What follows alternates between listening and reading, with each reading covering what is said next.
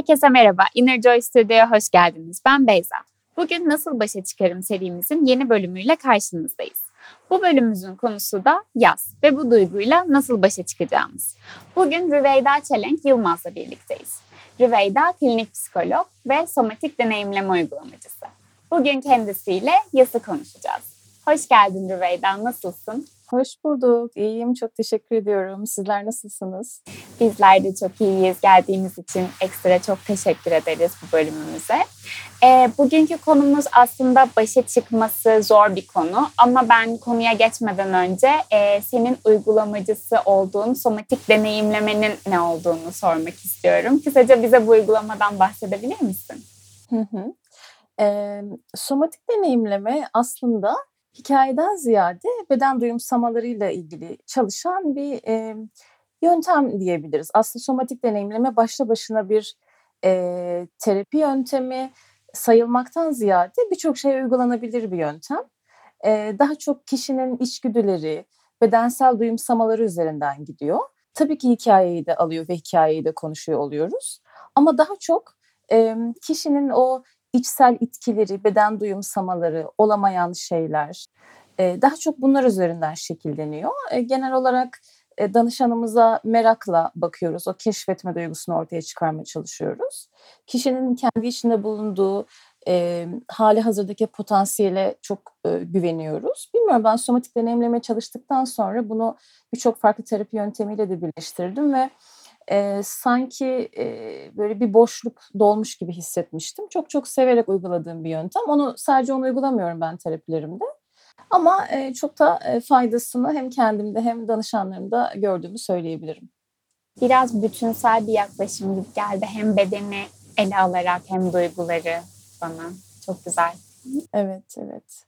Ee, Şimdi yasa geri dönersek hani hayatın içinde var olan çok güçlü bir deneyim.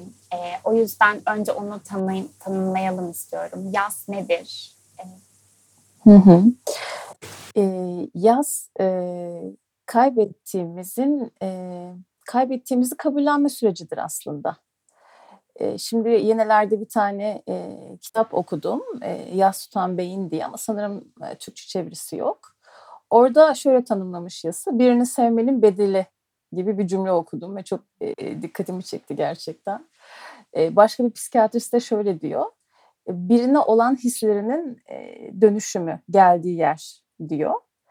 E, çok farklı tanımlamalar olabilir ama genel olarak birini kaybettiğimizde ya da bir şeyi kaybettiğimizde onun kaybının artık onun fiziksel dünyada bizimle olamayacağının e, kabullendiğimiz bir süreç, bir e, duygular demeti. E, o kayıp süreci şunu anlıyorum yani ölümle birlikte aslında e, oluyor fakat ölüm dışında da insan yaz tutar mı? Ne gibi kayıplar olabilir? Hı hı. Kayıp e, her şeyi kaybedebiliriz değil mi? Yani illa bu e, olumsuz bir deneyim olmak zorunda da değil. İş değiştiririz. Aslında daha iyi bir işe geçeriz ama önceki işimizden ayrılırken çok ağlarız, üzülürüz, sarılırız e, eski sevdiklerimize. Yani ya da mesela yine radikal bir örnek. E, ham, e, doğum yaparız, hamileliğimizin yasını tutarız. Ya da hamile kalırız, çok istiyoruzdur bir anne, anne olmak ama e, çocuksuz hayatımızın yasını tutarız. Her şeyin, her kaybın e, bir e, dönüşüm, değişim süreci olur ve beynimiz için buna adapte olmak zaman alır. O yüzden e, her şeyin yası tutulabilir. Hatta tutulmalıdır diyeyim size. Hmm, tam bunu soracaktım. Yani sağlıklı bir duygu mudur ve ne noktadan sonra sağlıksızlaşır aslında yaz? Hı hı. Yaz e, o kadar çok insana dair e, bir şey ki aslında. Nasıl ki e, bir yara olur, kanar ve onun kapanması için zamana ihtiyaç duyulur. Kendi kendine olur bu. Bunun gibi yani yaz beynimizin aslında bir şeye adapte olma süreci. Çünkü e, ister istemez alıştığımız şeyler var, sevdiğimiz insanlar var, kurduğumuz bağlar var. Yani her şeyin bir gerçek dünyada gerçekliği var. Yani e, mesela işte sarı bir bardak bunun bir gerçekliği var ve zihin, zihnimde bunun bir temsili var. İnsanlar için de aynı şey geçerli. Hiçbir zaman gerçeklikteki şey zihnimdekiyle tıpatıp aynı olmaz zaten. Onu da beklemiyoruz ama ne kadar çok gerçeğe yakın olursa o kadar iyi olur yaşam açısından. Fakat bazen o zihnimdeki şeyi gerçeğe dönüştürmekte zorlanabilirim. Mesela çok sevdiğim bir insan, zihnimde bir sürü işte karşılığı var, anılarım var, duygularım var, bağlarım var. Bir sonraki gün o yok. Bu bir e, ayrılık da olabilir, ilişkiden ayrılık. Ama bir e, ölüm de olabilir. Sonra ne yapacağım? O zihnimdeki bütün o şeyleri bir anda gerçekliğe dönüştürmem kolay olmasa gerek. İşte bunun için e, belli süreçler izlenmesi gerekiyor. Ve bu çok doğal dışında oluyor aslında. E, tabii ki bazen e, farklı karmaşık travmatik şeyler de olabiliyor. Ama genel olarak yaz e, tutulmalı ve e, doğal akışında gelişen bir şey. O beynimizin adaptasyon sürecinde duruma adapte olurken yaşadığı bir geçiş sizin de söylediğiniz gibi. E, yani gayet sağlıklı. Panik olmaya gerek yok. E, peki şu genelde çok soruluyor e, ya da merak ediliyor. Yaz tutulacak olay yaşandıktan hemen sonra yardım almak gerekir mi? Ya da ne kadar süre sonra kişi profesyonel bir yardım almalıdır? Hı hı. Ya normalde e, sağlıklı bir yaz sürecinde e, gerek yok yardım almaya. Çok doğal bir şekilde akışında gidebilir. E, ama baktık ki bu yaz travma ile birlikte geliyor. Yani ya da hiç beklenmedik bir yaz. E, o zaman ya da mesela yaz tutuluyor ama bir türlü o depresyon e, gibi belirtiler bir türlü geçmiyor. O, o dönemlerde elbette e, psiko, yani psikolojik yardım almak çok önemli hale geliyor. Ya da belki kişinin zaten o kayıptan önce de psikolojik belli psikolojik problemleri olabilir. O zaman da aslında terapi önemli hale geliyor. Çünkü yaz tutabilmenin alanını açmak gerekiyor. Ama tabii şöyle de bir şey olabiliyor bazen. İşte ben yastayım, bir birini kaybettim ya da işte sevgilimden ayrıldım. Benim üzülmem lazım, ağlamam lazım, kederlenmem lazım orada bir yanlış anlaşılma oluyor. Hani toplumumuzda da öyle ya işte görüyor musun bak kadın kocasını kaybetmiş geziyor eğleniyor falan. Ee, orada da bir yanlış anlaşılma var. Hani yas illaha böyle olmaz ama yasın tutulabileceği alan açmamız gerekiyor sevdiğimiz insanlara, kendimize. Ee, bir tane şey film izlemiştim yıllar oldu. E, filmin adı Kayıp Yüzük. Filmde e, İkinci Dünya Savaşı'nda geçen bir film. İşte başroldeki kadın e, nişanlısına çok aşık. İşte birbirlerine aşıklar fakat nişanlısı e, İrlanda'ya gidiyor. Orada savaşıyor. Ölüyor orada. E, kadın da hiç nişanlısının ardından yas tutamadan hızlıca başka birisiyle evleniyor. İşte aradan yıllar geçiyor. E, kocası ölüyor. O da e, kocası öldükten sonra bu sefer kocasının yasını hiç tutmadan hemen gidiyor. Eski nişanlısının için ağlıyor, arıyor, İrlanda'ya gidiyor. İşte bir tane kayıp yüzük var onun peşinden falan. O güzel bir yas hikayesiydi. Ee, yine aklıma başka bir şey geldi. Ee, hani tabii bu önceki soruyla da biraz alakalı o sağlıklı mı ya da destek gerekir mi tutulmalı mı bütün bunların da biraz alakalı. Şimdi çok popüler bir film var ya hani Inception işte bu Leonardo DiCaprio'nun da oynadığı. O filmde de spoiler da oluyor ama çoğu insan izlemiştir onu zaten. Ee, işte bu başroldeki e, Kop e, eşini kaybetmiş biz bunu zaten onu biliyoruz. Ve e, her seferinde kendi rüyasına girmek istemiyor çünkü rüyasına girdiği zaman eşinin onu orada tutma orada tutacağını düşünüyor. Çünkü o da aslında orada kalmak istiyor. Çünkü eşinin yasını tutamamış aslında. Tutamadığı için sürekli rüyalarda eşiyle uğraşıyor tehlikeli bir şekilde. O da mesela çok güzel bir örnek bence. Hmm.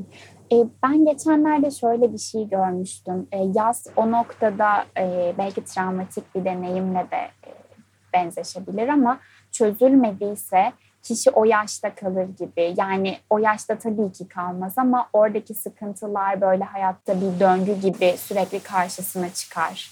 Hani aslında e, yaz tutulduktan sonra belki belli bir süre sonra çözülmesi de e, gerekli. Aynı o filmde e, işte eşine geri dönememesi gibi. Belki orada çözülmediği için geri dönemiyor diyebilir miyiz? Evet, bir tarafı kabullenmemiş çünkü. Hala eşinin o hayatta olmadığını yani kabullenmemiş aslında ve hala bir tarafı onunla yaşamayı arzu ediyor. Ha bu arada bu çok şimdi bu şöyle karmaşık. Ee, beynimiz ya şimdi biz ilk insanoğlu doğduğumuz zaman birine muhtaç olarak doğarız birinci bakıcımıza Eee, anne diyelim buna biz şimdi ama başka biri de olabilir. Ve orada bizim hayatta kalmamız annemizin varlığına ve bizle kurduğu bağa bağlıdır. Yani biz annemiz nerede, ne yapıyor ve eee, bu çok önemlidir. Yani bize olan yakınlığı, yeri ve zamanı çok önemlidir. Bu bizim hayatta kalmamızla alakalıdır. O yüzden biz hep hayatta sevdiklerimizi mesela ben şimdi size desem ki işte şu anda sevdiğiniz şu kişisi ne yapıyor? Tahmin edersiniz. Yüzde yüz bilmeseniz bile şurada şunu yapıyordur herhalde dersiniz. Çünkü beynimiz hep arar. Hep sevdiğimiz insanları böyle tarar. Hayatta kalmayla alakalı. E, onu kaybettiğimiz zaman şu an nerede sorusuna cevap bulamaz hale geliriz. Ve yeni deneyimlerle bir dakika ya burada yok, yok şu anda burada değil. Sabah kalktım ama yok yatakta yok. Böyle böyle böyle yeni deneyimlerle, deneyimlerle e, gerçeği kabullenmeye çalışırız. Bir yandan zihnimiz tamam artık o yok, tamam kabullen. Ama diğer taraftan da o bağı hep tutmak ister beynimiz. Yani aslında beynimizin de içinde çelişen şeyler olur. O yüzden e, yaz tutmak e, bu kadar önemli. Yani çünkü o ve uzun sürüyor. Çünkü o bağı yani tamam belki yeni deneyimlerle artık onun olmadığını zihinsel olarak kabullenebiliriz. Ama o bağı koparmak yani bağı koparmak değil aslında dönüştürmek o yakınlığın eskisi gibi olmadığını kabullenmek. O yüzden o kadar zor. Ve evet sorunuza gelirsek e, yaz tutulmadığı zaman onun etkilerini uzun vadede görürüz. Mesela işte e, sevgilisinden ayrılır. E, sevgilisinin yasını tutamaz. Onun yerine e, onu düşünmemeye çalışır, onun acılarını. Hatta onun yerine hemen başka birini bulur. Onunla ilişki kurar ama onunla ilişkisinde hep eski ilişkisindeki e, sevgilisi hayalet gibi durur aslında. Hı hı. O noktayı çözemediği için, içinde tamamlayamadığı için yeni bir şeye başlamak hem e, zannediyorum kıyası getiriyor, çok uzun vadede mutluluğu da getirmiyor. İçte çözümlenmemiş, o yaz tutulmamış süreçte başlanılan yeni ilişki. Ben böyle kişisel olarak yorumluyorum. Evet, sindirmemiz gerekiyor yaşadıklarımızı. Yani onu sindirmemiz gerekiyor. Onun bilgi işlem sürecine girmesi gerekiyor. Ne oldu, ne yaşadım, bunun anlamı ne benim için, şu anda nasıl bir yerdeyim. Ee, o zaman işte tercihlerimiz ve seçimlerimiz daha kendimize göre yaparız. Daha gerçekçi, daha sindirilmiş, daha bütüncül, daha hayatla entegre olmuş hissederiz yani. Hayatta daha bir canlı hissederiz diyeyim size. Hı hı. Ee, peki bunun bir süresi var mıdır? Yani eminim kişisel, kişiden kişiye göre değişiyordur yasın ne kadar süreceği ama ortalama sağlıklı hissedilen süre ne kadar olabilir yasla ilgili? Hı hı. E, 6 ay ile 2 yıl arasında değiştiği söylenir. E, ancak e, bu kişiden kişiye göre değişir. Yasla alakalı söylenen birçok şey aslında e, her yeni araştırmada değişiyor ve e, doğruluğu da ispatlanmakta da zorlanıyor diyeyim. Çünkü yas beynin çok farklı yerlerini çalıştıran bir şey. Aynı anda hatta. O yüzden mesela atıyorum bir e, evlat kaybının yası ömür boyu da sürebilir. E, ya da birkaç günlük bir yas da olabilir. Bir bardağımı kaybetmişimdir ama ona başka bir değer yüklemişimdir. E, ve dediğim gibi yaz illaha e, sürekli üzülme halinde de olmayacağı için alttan alta biz yaşarken, kendi hayatımızda, hayat akarken bir yandan da aşağıda yaz tutarız. Ama genel olarak söylenen dediğim gibi 6 ayla 2 sene arasında değiştiğidir. Bir de e, bunu eklemek istediğim az önce siz de söylediniz altını bir daha çizmek istedim. Herkesin farklı şekillerde bu yası gösterdiği hani işte e, birisi ağlayarak gösterir, birisi eğlenerek gösterir değil mi? Bizim e, aslında toplumumuzda bu herkesin aynı e, tipte yas tutacağı şeklinde bir algı var. Hani herkes ağlar, siyah giyinilir ya da işte kötü hissedilir ama belki e, iki gün sürer. O insan içinde bunu taşıyordur ama e, eğlenmeye çıkıyordur. Çünkü onun yas tutma şekli böyledir. Hı hı. Ee, güzel söylediniz zaten yaz aslında bu ikisi arasında giden e, sarkaç gibi bir süreçtir. Yani bir yandan kalbe yönelik bir şeyler yapılır. İşte ne bileyim suçlu hissetme, üzülme, anıları tarama gibi. Bir yandan da arkadaşlarınla keyif alma, sosyal bir şeyler yaşama, bir oraya, bir oraya, bir oraya, bir oraya gideriz. E, ve dediğiniz gibi e, bu bağlamda toplumsal olarak da yas tutan insanları eleştirmek, yargılamak, onları yönlendirmek, neyin nasıl olması gerektiğini söylemek. Hadi artık çık şu yastan, bitti artık filan. Bunlar aslında hep yaz sürecini sekteye uğratan şeyler maalesef. Hı hı. Evet, bunu e, aslında e, belirtmek güzel oldu. Çünkü insan kendini suçlu da hissediyor bazen. Neden dışarı çıkıyorum şu an, evde olmam lazım. Ama hep bu lazımlarla e, muhtemelen hareket ettiğimiz için. Evet, bir de şimdi her ölüm için konuşuyorum.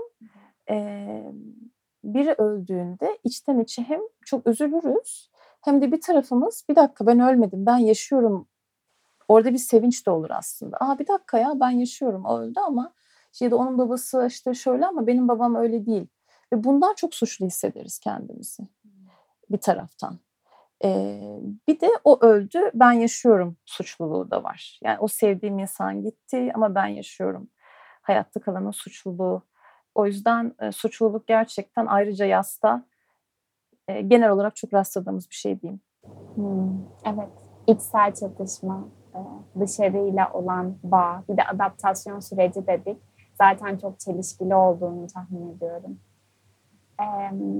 Yani kabul ediş diye konuştuk aslında e, başa çıkma yöntemi olarak az önce ama ben genel olarak bir daha sormak istiyorum. Yasla insan nasıl başa çıkabilir? O kabul ediş haline nasıl gelebilir? Bu süreç nasıl kolaylaşabilir? Hı hı. Çok güzel bir soru bence. Bir kere bu kaybedilen kişi ya da şey ya da durum da olabilir. Bir sürü şey kaybedilebilir. Onunla ilgili bir anılarımız vardır bizim. Yasta bu anılar gözden geçirilir. Sanki şey gibi raftaki kıyafetlerimi, eşyalarımı alıyorum, şöyle bir silkeliyorum. İşte gereksizi atıyorum, gerekeni bırakıyorum. Bazılarını işte yıkamaya gönderiyorum ve tekrar düzenliyorum. Anılarımız öyle tekrar düzenlenir yeni deneyimlerle birlikte. Sonra alışkanlıklarımız var. Alışkanlıklarımızı da öyle mesela. Gideriz markete, e, üç kişilik bir şey alırken bu sefer iki kişilik alırız. Bunların hepsi tabii acı veren deneyimler. Ama alışkanlıklarımız da böylece böylece dönüşür. En zoru o yakınlık hissinin yani artık onsuz yaşamanın, artık bir şey olduğunda derdini ona anlatamamanın ya da işte e, yani o, o onun olmama halidir bu kabullenme sürecinde önemli olan gerçekliği sınamamız lazım mesela. Gerçekliği sınamak için ne önemli? Gerçekliği bize hatırlatacak şeyler. İşte diyelim öldüyse mezarına gitmek, bunu ziyaret etmek. Böyle bir anda kafamıza dank ettiren şeyler. Aa bir dakika ya tamam artık hani bitti tamam artık olmayacak yani. Bunu hatır, hatırlatan şeyler çok önemli. Ee, Sonra kaynaklarımızı kullanmak. Kaynaklarımız doğa olabilir, hayvanlar olabilir, sevdiğimiz insanlar olabilir. E, bunlar çok önemli. Öte yandan kendimizi ifade etmek. Yani ne yaşıyoruz, ne hissediyoruz. Aslında orada yaratıcılık çok ön plana çıkıyor. Çünkü yaz aslında çok insanın hani öyle bir makale vardı Kernberg'in. Hani Kernberg de çok önemli bir insan bu arada hani psikoloji camiası için. Hani Freud gibi bir adam diyeyim size yani. Ve e, o da yasın aslında çok yaratıcılığa dönüştüğüne dair şeyler söyler. Burada tehlikeli olan e, duyguların çok fazla gelip, çok acı hissettirip buna sistemin dayanamayıp bunları koparma e, hali. Yani daha böyle hissizleşmek, aman kötü hissetmeyeyim, aman acı hissetmeyeyim gibi. Onlar geldiğinde bir anda arkaya itme hali. O tehlikeli neden? Çünkü e, olumsuz duygular, beyin maalesef sadece acı duyguları hissetmeyeyim gibi bir mekanizması yok. Eğer acıları atarsam iyileri de hissedemem. O yüzden e, keyif alamam hayattan ve şimdiki ana odaklanamam. O da, o da beni tehlikeli bir yere götürür. Ha, ama ne yapabiliriz? Bir anda çok fazla acı geliyorsa çok küçük bir tarafını alabiliriz. Yani 10 birimlik acı değil ama bir birimlik acıyı belki kapıdan içeri alırız ve sonra bakarız gerisi ne oluyor? E, bu, bu kendini ifade etmek dediğimde e, bunu mesela sanatla da yapabiliriz. Yani mesela dünyaya baktığımız zaman sanatın birçok kısmını yastan türetildiğini görürüz. Sezen Aksu'nun muhteşem şarkılarının çoğu aşk acısıyla alakalıdır ve Sezen Aksu bunu söyler yani ben o kadar aşık olmasaydım, o kadar ayrılmasaydım bunları yazamazdım gibi. Ya da işte işte Taj Mahal yani hani oradaki Babur İmparatorunun o eşine yaptırdığı bir anıt mezar aslında. Ee, bunlar çok önemli. Yani yası aslında yaratıcılığa dönüştürme hali. Gerçekten çok önemli. Sonra e, yasla baş edilme, yani bir diğer daha böyle analitik bir şeyden bahsedeyim aklıma gelen. Bağlantı nesnesi diye bir kavram var. Pamuk Volkan'ın bahsettiği. Bağlantı nesnesi demek o ölen kişinin herhangi bir eşyası olabilir. Herhangi bir şeyi olabilir. Ona dair bir şey, bir şarkı da olabilir. Bu onu biraz daha hani dışsallaştırmak, böyle bir geçiş gibi. Bilirsin onun nerede olduğunu. İşte atıyorum ölen dedenin fotoğrafı. Ama ona sürekli bakmazsın. Bilirsin böyle işte üçüncü çekmecenin en diplerinde bir yerlerdedir ve onu orada onu orada bilmek güvende hissettirir. Hani bağlantı nesnelerini kullanabiliriz. Ee, onun dışında hani daha önce dediğim gibi o suçlu suçluluk duygusu, onu onunla baş etmek lazım. Çünkü o suçluluk duygusu bizi şöyle bir yere götürebilir. Sürekli onunla ilgili düşünme, tartma. Ya şöyle olsaydı bir şey değişir miydi? Ya böyle olsaydı bir şey değiştir miydi? Acaba onu ona şöyle değil de böyle deseydim beni terk etmez miydi? Bu e, tehlikeli bir yer. Yani bunun bir sonu yok.